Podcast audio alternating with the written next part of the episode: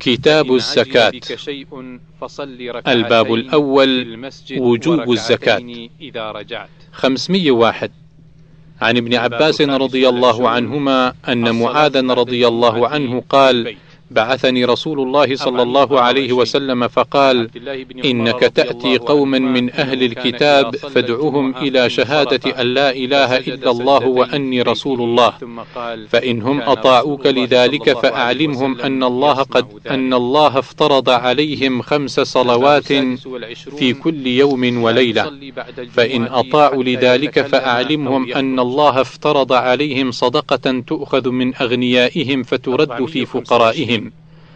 فإن هم أطاعوا لذلك فإياك وكرائم أموالهم واتق دعوة المظلوم فإنه ليس بينها وبين الله عز وجل حجاب. أخرجه البخاري 1496 الباب الثاني ما فيه الزكاة من الأموال العين والحرث والماشية. فقال لا تعد لما فعلت. 502 عن أبي سعيد الخدري رضي الله عنه أن النبي صلى الله عليه وسلم قال ليس في حب ولا تمر صدقة حتى تبلغ خمسة أوسق ولا فيما دون خمس ذود صدقة. ولا فيما دون خمس أواقي صدقة. أخرجه البخاري 1405 الباب الثالث ما فيه العشر أو نصف العشر. 503 عن جابر بن عبد الله رضي الله عنهما أنه سمع النبي صلى الله عليه وسلم قال فيما سقت الأنهار والغيم العشور وفيما سقي بالثانية نصف العشر. الباب الرابع لا زكاة على مسلم في عبده ولا في فرسه. العيدان. 504 عن أبي هريرة رضي الله عنه أن رسول الله صلى الله عليه وسلم قال ليس على المسلم في عبده ولا في فرسه صدقة. أخرجه البخاري 1463 الباب الخامس في تقديم الصدقة ومنعها. 505 عن أبي هريرة رضي الله عنه قال بعث رسول الله صلى الله عليه وسلم عمر على الصدقة فقيل منع ابن جميل وخالد بن الوليد والعباس عم رسول الله صلى الله عليه وسلم. فقال رسول الله صلى الله عليه وسلم ما ينقم ابن جميل إلا أن كان فقيرا فأغناه الله. وأما خالد فإنكم تظلمون خالدا. قد احتبس اذراعه وأعتاده في سبيل الله. وأما العباس فهي علي ومثلها معها. ثم قال يا عمر أما شعرت أن عم الرجل صنو أبيه؟ أخرجه البخاري 1468 الباب السادس في من لا يؤدي الزكاة. ثم قال حين فرغ 506 عن أبي ذر رضي الله عنه قال انتهيت إلى النبي صلى الله عليه وسلم وهو جالس في ظل الكعبة. فلما رآني قال الاخسرون ورب الكعبة؟ قال فجئت حتى جلست فلم أتقار أن قمت.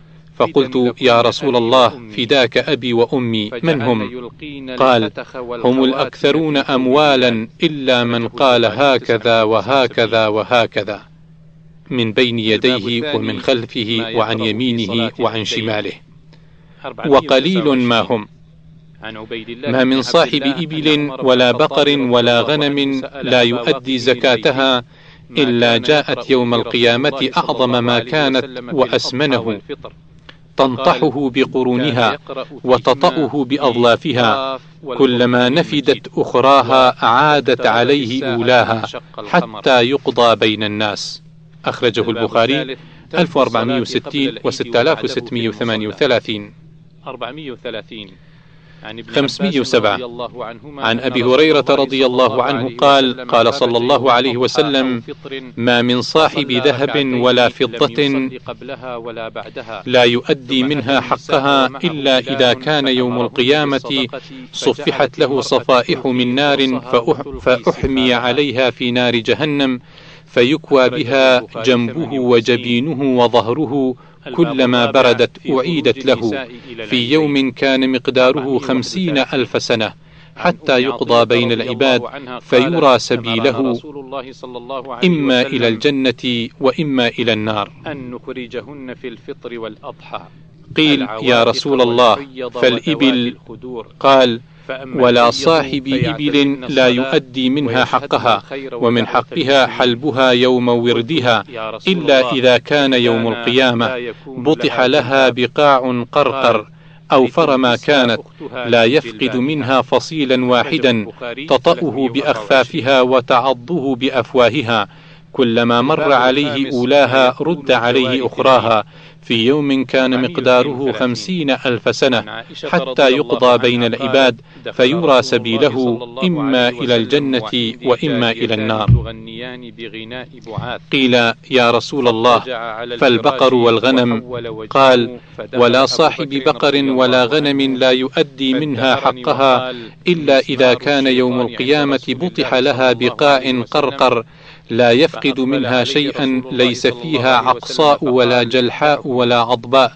تنطحه بقرونها وتطأه بأظلافها كلما مر عليه أولاها رد عليه أخراها. في يوم كان مقداره خمسين ألف سنة. حتى يقضى بين العباد فيرى سبيله إما إلى الجنة وإما إلى النار. قيل يا رسول الله فالخيل. قال الخيل ثلاثة هي لرجل وزر وهي لرجل ستر وهي لرجل أجر. فأما التي هي له وزر فرجل ربطها رياء وفخرا ونواء على أهل الإسلام. فهي له وزر. وأما التي هي له ستر فرجل ربطها في سبيل الله ثم لم ينس حق الله في ظهورها ولا رقابها. فهي له ستر وأما التي هي له أجر فرجل ربطها في سبيل الله لأهل الإسلام في مرج وروضة. فما أكلت من ذلك المرج أو الروضة من شيء إلا كتب الله له عدد ما أكلت حسنات. وكتب له عدد أرواثها وأبوالها حسنات. ولا تقطع طولها. فاستنت شرفا أو شرفين. فقال عجبت مما عجبت منه. إلا كتب الله له عدد آثارها وأرواثها حسنات ولا مر بها صاحبها على نهر فشربت منه ولا يريد أن يسقيها إلا كتب الله له عدد ما شربت حسنات. عن ابن عباس قيل رضي الله عنه يا رسول الله في الحمر قال ما أنزل علي في الحمر شيء إلا هذه الآية الفاذة الجامعة. فمن يعمل مثقال ذرة خيرا يره ومن يعمل مثقال ذرة شرا يره. سورة الزلزلة الآيتان سبعة وثمانية. أخرجه البخاري 1402 و 1403 الظهر بالمدينة أربعة الباب السابع في الكانزين والتغليظ عليهم. الباب الثالث 508 عن الأحنف بن قيس قال كنت في نفر من قريش فمر أبو ذر رضي الله عنه وهو يقول بشر الكانزين بكي في ظهورهم يخرج من جنوبهم وبكي من قبل أقفائهم يخرج من جباههم. قال ثم تنحى فقعد قال قلت من هذا؟ قالوا هذا أبو ذر. قال فقمت إليه فقلت ما شيء سمعتك تقول قبيل؟ قال ما قلت إلا شيئا سمعته من نبيهم صلى الله عليه وسلم. قال قلت ما تقول في هذا العطاء؟ قال خذه فإن فيه اليوم معونة. فإذا كان ثمنا لدينك فدعه. الباب الثامن الأمر بإرضاء المصدقين. 509 عن جرير بن عبد الله رضي الله عنهما قال جاء ناس من الأعراب إلى رسول الله صلى الله عليه وسلم فقالوا إن ناسا من المصدقين يأتوننا فيظلموننا. قال فقال رسول الله صلى الله عليه وسلم أرضوا مصدقيكم. قال جرير ما صدر عني مصدق منذ سمعت هذا من رسول الله صلى الله عليه وسلم إلا وهو عني راض. الباب التاسع الدعاء لمن أتى بصدقته. خمسمائة عشرة عن عبد الله بن أبي أوفى رضي الله عنهما قال كان رسول الله صلى الله عليه وسلم إذا أتاه قوم بصدقتهم قال اللهم صل عليهم. فأتاه أبي أبو أوفى بصدقته فقال اللهم صل على آل أبي أوفى. أخرجه البخاري 1497 ما يصنع هؤلاء الباب العاشر إعطاء من يخاف على إيمانه. لو كنت 511 عن سعد بن أبي وقاص رضي الله عنه قال قسم رسول الله صلى الله عليه وسلم قسما. فقلت يا رسول الله أعط فلانا فإنه مؤمن. فقال النبي صلى الله عليه وسلم أو مسلم أقولها ثلاثا ويرددها علي ثلاثا أو مسلم. ثم قال إني لأعطي الرجل وغيره أحب إلي منه مخافة أن يكبه الله عز وجل في النار. أخرجه البخاري 1478 الباب التاسع الباب الحادي عشر إعطاء المؤلفة قلوبهم على الإسلام وتصبر من قوي إيمانه. 512 عن أنس بن مالك رضي الله عنه قال لما كان يوم حنين أقبلت هوازن وغطفان وغيرهم بذراريهم ونعمهم ومع النبي صلى الله عليه وسلم يومئذ عشرة آلاف ومعه الطلقاء. فأدبروا عنه حتى بقي وحده. قال فنادى يومئذ نداءين لم يخلط بينهما شيئا. قال فالتفت عن يمينه فقال يا معشر الأنصار. فقالوا لبيك يا رسول الله. أبشر نحن معك. قال ثم التفت عن يساره فقال يا معشر الأنصار. قالوا لبيك يا رسول الله. أبشر نحن معك. قال وهو على بغلة بيضاء. فنزل فقال أنا عبد الله ورسوله. فانهزم المشركون. وأصاب رسول الله صلى الله عليه وسلم غنائم كثيرة فقسم في المهاجرين والطلقاء ولم يعط الأنصار شيئا. فقالت الأنصار إذا كانت الشدة فنحن ندعى وتعطى الغنائم غيرنا فبلغه ذلك فجمعهم في قبة فقال يا معشر الأنصار ما حديث بلغني عنكم؟ فسكتوا فقال يا معشر الأنصار أما ترضون أن يذهب الناس بالدنيا وتذهبون بمحمد صلى الله عليه وسلم تحوزونه إلى بيوتكم؟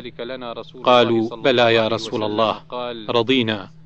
قال فقال لو سلك الناس واديا وسلك الأنصار شعبا لأخذت شعب الأنصار. قال هشام يعني ابن زيد بن أنس بن مالك. فقلت يا أبا حمزة أنت شاهد ذاك؟ قال وأين أغيب عنه؟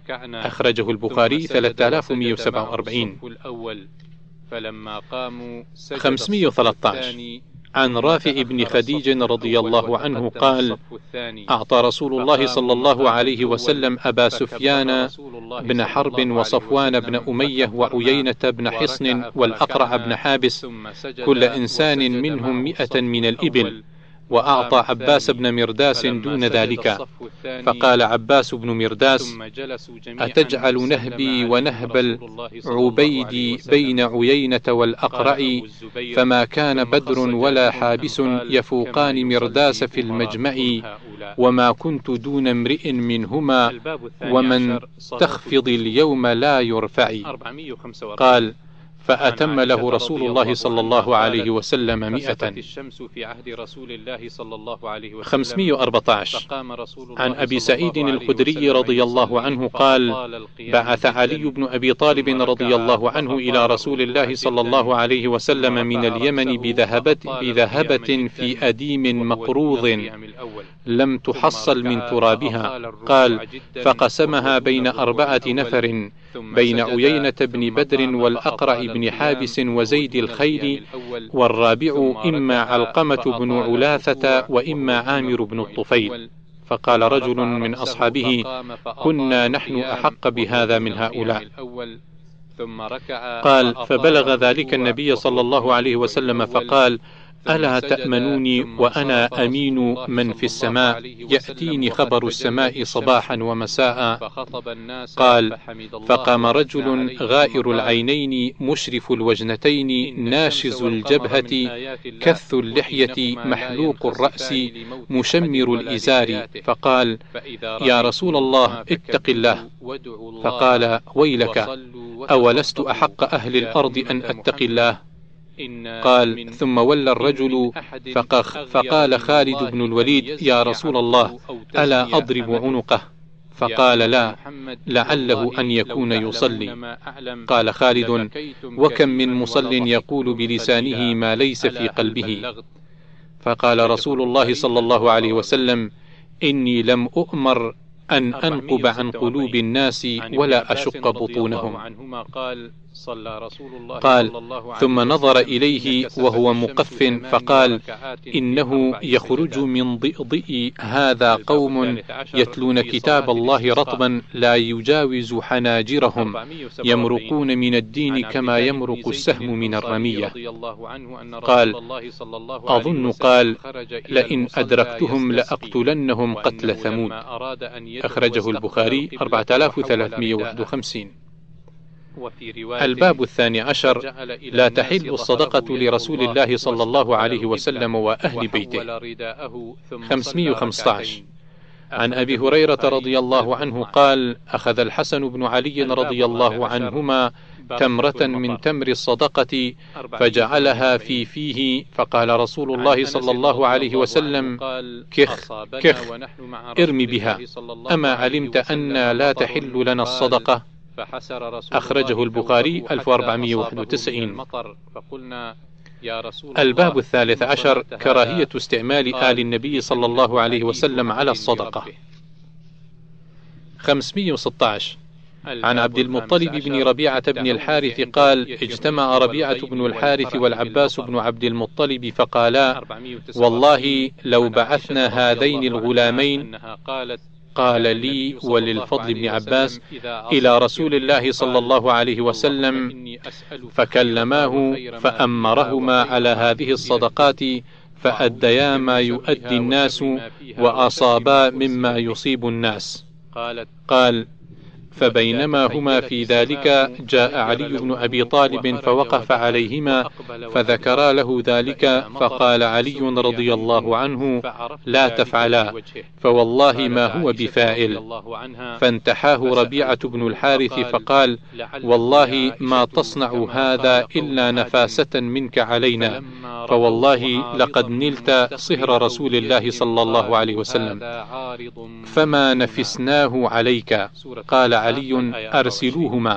فانطلقا واضطجع علي رضي الله عنه.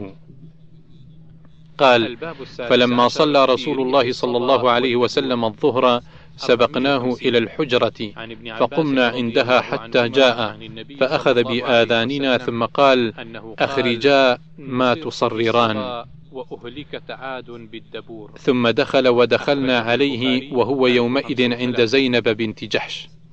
قال فتواكلنا الكلام ثم تكلم أحدنا فقال يا رسول الله أنت أبر الناس وأوصل الناس. وقد بلغنا النكاح. فجئنا لتؤمرنا على بعض هذه الصدقات فنؤدي إليك كما يؤدي الناس ونصيب كما يصيبون. قال فسكت طويلا حتى أردنا أن نكلمه. قال وجعلت زينب تلمع إلينا من وراء الحجاب أن لا تكلماه. فقال صالح. قال ثم قال إن الصدقة لا تنبغي لآل محمد. إنما هي أوساخ الناس. ادعوا لي محمية وكان على الخمس ونوفل بن الحارث بن عبد المطلب قال فجاءه فقال لمحمية أنكح هذا الغلام ابنتك للفضل بن عباس. فأنكحه وقال لنوفل بن الحارث أنكح هذا الغلام ابنتك لي. فأنكحني وقال لمحمية أصدق عنهما من الخمس كذا وكذا. قال الزهري ولم يسمه لي. الباب الرابع عشر إباحة ما أهدي من الصدقة لآل النبي صلى الله عليه وسلم. 517 عن أنس بن مالك رضي الله عنه قال أهدت بريرة إلى النبي صلى الله عليه وسلم لحما تصدق به عليها. فقال هو لها صدقة ولنا هدية. أخرجه البخاري 1495 518 عن أم عطية رضي الله عنها قالت بعث إلي رسول الله صلى الله عليه وسلم بشاة من الصدقة فبعثت إلى عائشة رضي الله عنها منها بشيء. فلما جاء رسول الله صلى الله عليه وسلم إلى عائشة قال هل عندكم شيء؟ قالت لا إلا أن نسيبة بعثت إلينا من الشاة التي بعثتم بها إليها. قال إنها قد بلغت محلها. أخرجه البخاري 1494 قالت قال رسول الله صلى الله عليه الباب الخامس عشر قبول النبي صلى الله عليه وسلم الهدية ورد الصدقة. الله كره الله لقاءه. 519 عن أبي هريرة رضي الله عنه أن النبي صلى الله عليه وسلم كان إذا أتي بطعام سأل عنه فإن قيل هدية أكل منها. وإن قيل صدقة لم يأكل منها.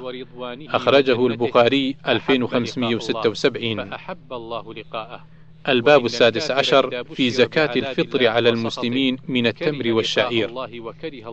520 عن عبد الله بن عمر رضي الله عنهما أن رسول الله صلى الله عليه وسلم فرض زكاة الفطر من رمضان على الناس صاعا من تمر أو صاعا من شعير على كل حر أو عبد ذكر أو أنثى من المسلمين.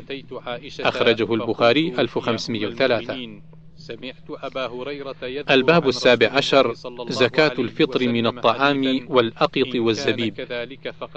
521 عن أبي سعيد الخدري رضي الله عنه قال كنا نخرج وما ذاك؟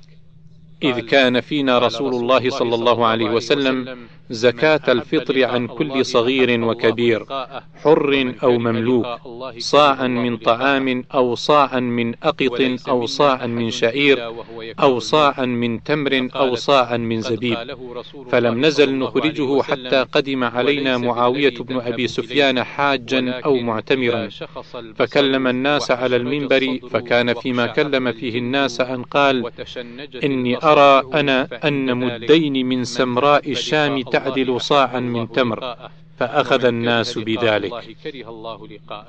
قال أبو سعيد فأما أنا فلا أزال أخرجه كما كنت أخرجه أبدا ما عشت. أخرجه البخاري 1508 عن جابر رضي الباب الثامن عشر الأمر بإخراج زكاة الفطر قبل الصلاة. 522 عن عبد الله بن عمر رضي الله عنهما أن رسول الله صلى الله عليه وسلم أمر بإخراج زكاة الفطر أن تؤدى قبل خروج الناس إلى الصلاة. أخرجه البخاري 1509 الباب التاسع عشر الترغيب في الصدقة. 523 عن أبي هريرة رضي الله عنه أن النبي صلى الله عليه وسلم قال ما يسرني أن لي أحدا ذهبا تأتي علي ثالثة وعندي منه دينار إلا دينار أرصده لدين علي. اللهم اغفر لابي سلمة 524 عن عبد الله بن عمر رضي الله عنهما عن رسول الله صلى الله عليه وسلم أنه قال يا معشر النساء تصدقن واكثرن الاستغفار فإني رأيتكن أكثر أهل النار. فقالت امرأة منهم جزلة وما لنا يا رسول الله أكثر أهل النار؟ قال تكثرن اللعن وتكفرن العشير. وما رأيت من ناقصات عقل ودين أغلب لذي لب منكن قالت يا رسول الله وما نقصان العقل والدين؟ قال أما نقصان العقل فشهادة امرأتين تعدل شهادة رجل. فهذا نقصان العقل. وتمكث الليالي لا تصلي وتفطر في رمضان. فهذا نقصان الدين. أخرجه البخاري 304 وذكر المسك. الباب العشرون في الحث على النفقة. 525 عن أبي هريرة رضي الله عنه يبلغ به النبي صلى الله عليه وسلم قال قال الله تبارك وتعالى يا ابن آدم أنفق أنفق عليك. وقال يمين الله ملأى. وقال ابن نمير ملآن. سحاء لا يغيضها شيء. الليل والنهار. أخرجه البخاري 4684 إلى آخر الأجل الباب الحادي والعشرون الترغيب في الصدقة قبل أن لا يوجد من يقبلها.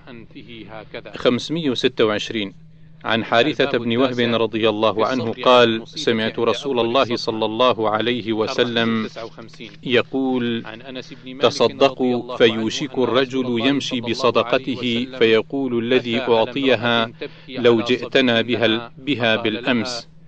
قبلتها فأما الآن فلا حاجة لي بها فلا يجد من يقبلها. أخرجه البخاري 1411 فأخذها مثل الموت 527 عن أبي هريرة رضي الله عنه قال قال رسول الله صلى الله عليه وسلم لم أعرفك. تقيء الأرض أفلاذ كبدها أمثال الأسطوان من الذهب والفضة. فيجيء القاتل فيقول في هذا قتلت. ويجيء القاطئ فيقول في هذا قطعت رحمي. ويجيء السارق فيقول في هذا قطعت يدي. ثم يدعونه فلا يأخذون منه شيئا. لا يموت الباب الثاني والعشرون الصدقة على الزوج والولد. 528 عن زينب امرأة عبد الله بن مسعود رضي الله. عنهما قالت قال رسول الله صلى الله عليه وسلم تصدقن, تصدقن يا معشر النساء ولو من حليكن.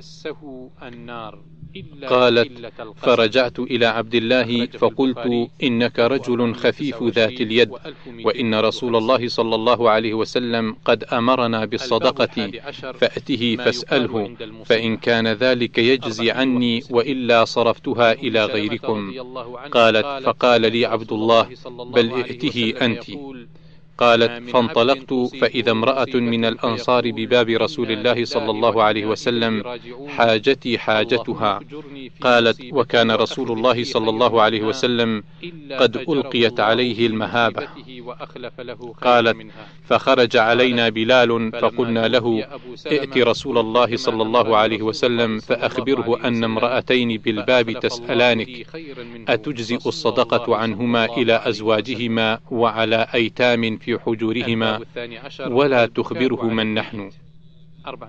قالت فدخل بلال على رسول الله صلى الله عليه وسلم فسأله فقال له رسول الله صلى الله عليه وسلم من هما فقال امرأة من الأنصار وزينب. فقال رسول الله صلى الله عليه وسلم أي الزيانب قال امرأة عبد الله بن مسعود. فقال له رسول الله صلى الله عليه وسلم لهما أجران أجر القرابة وأجر الصدقة. فبكى رسول الله صلى الله عليه وسلم. أخرجه البخاري 6466 رسول الله صلى الله عليه وسلم الباب الثالث والعشرون الصدقة في الأقربين. 529 عن أنس بن مالك رضي الله عنه قال كان أبو طلحة أكثر أنصاري بالمدينة مالا. وكان أحب أمواله إليه بيرحا. وكانت مستقبلة المسجد. وكان رسول الله صلى الله عليه وسلم يدخلها ويشرب من ماء فيها طيب.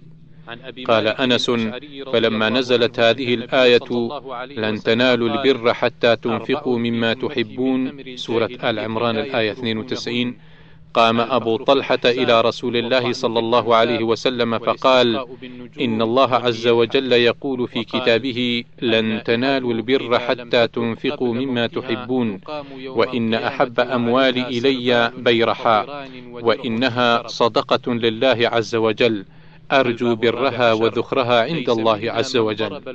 فضعها يا رسول الله حيث شئت. قال رسول الله صلى الله عليه وسلم بخ ذلك مال رابح ذلك مال رابح. قد سمعت ما قلت فيها وإني أرى أن تجعلها في الأقربين. فقسمها أبو طلحة في أقاربه وبني عمه.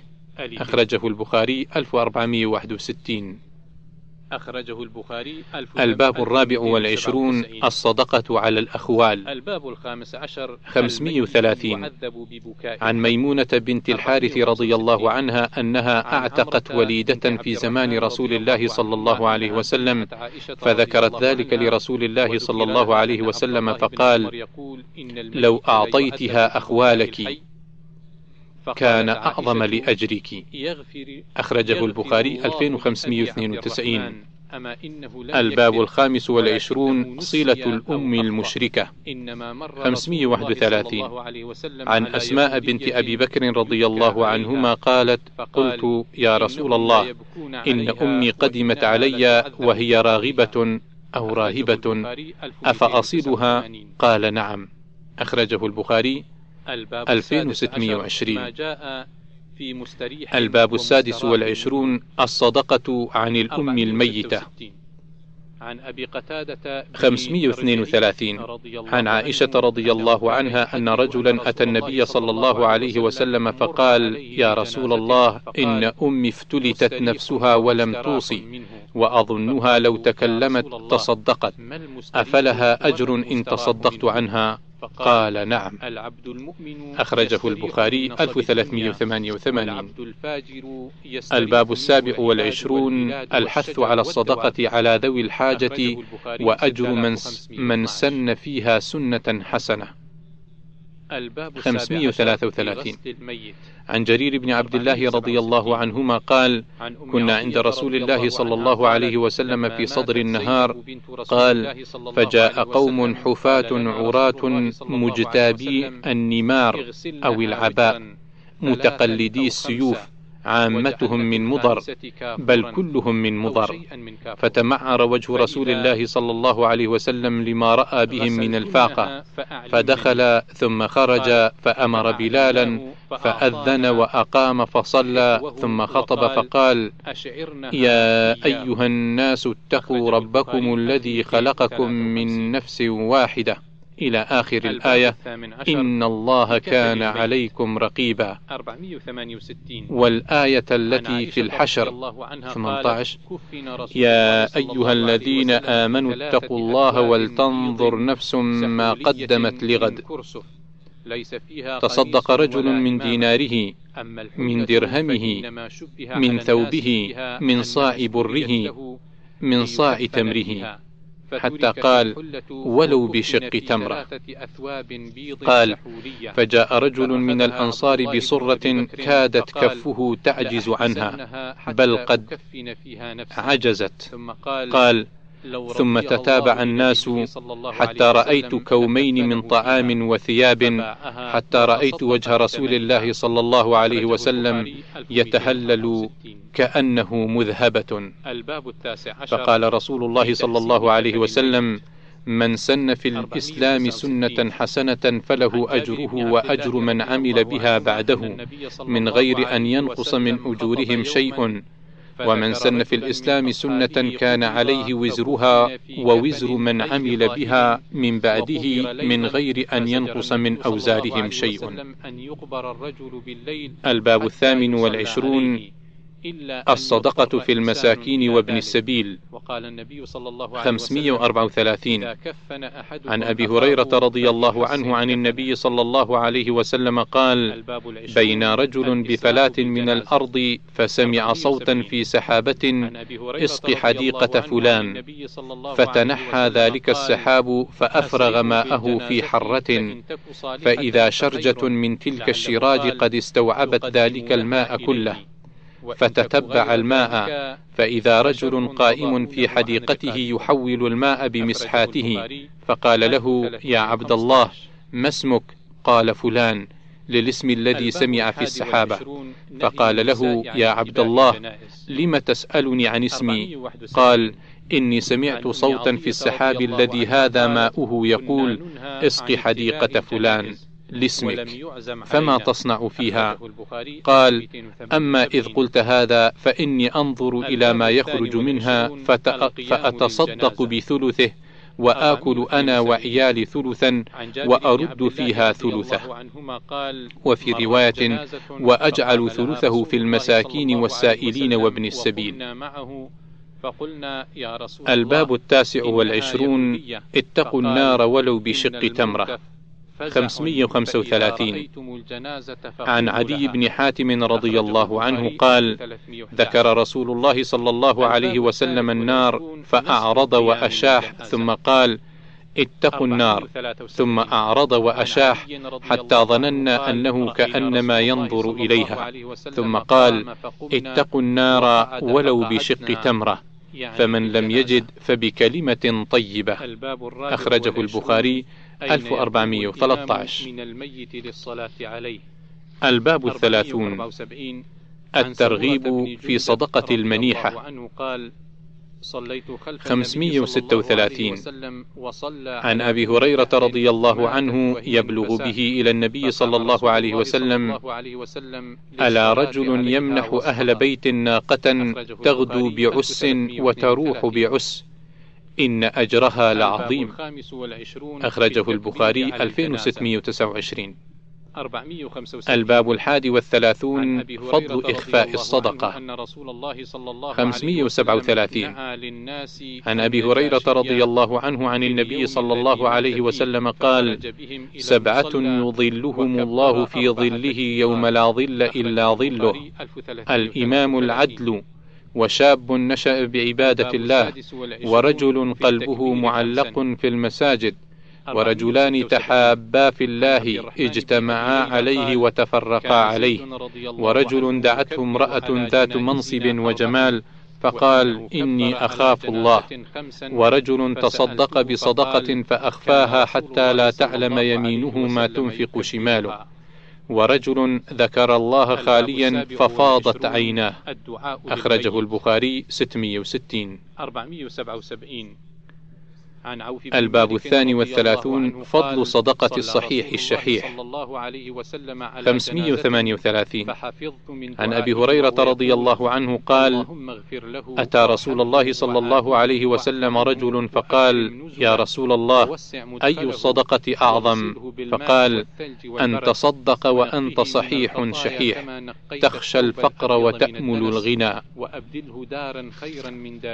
ولا تمهل حتى إذا بلغت الحلقوم قلت لفلان كذا ولفلان كذا ألا وقد كان لفلان؟ أخرجه البخاري 1419